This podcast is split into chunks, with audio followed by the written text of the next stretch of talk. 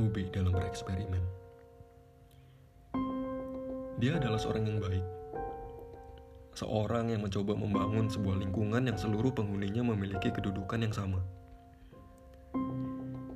Duduk sama rata, berdiri sama tinggi.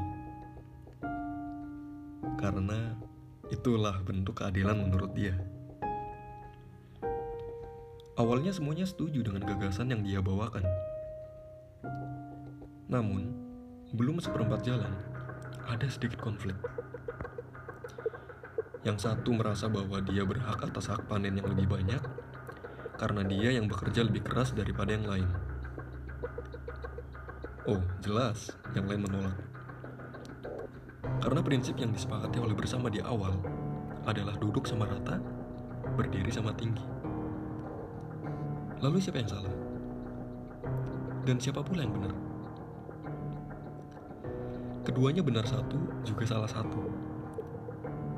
Lalu, untuk pemecahan masalahnya, dia setuju bahwa yang lebih banyak bekerja berhak mendapat hasil panen yang lebih banyak.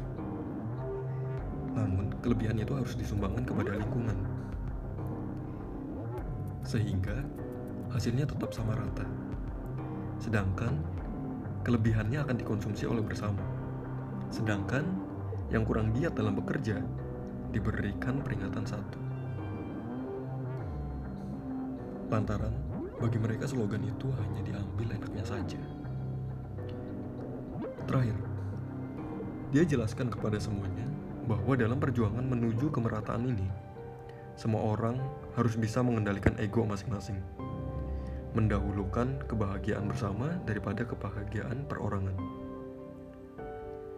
Karena hanya dengan pengorbanan itulah kemenangan sejati dapat diraih.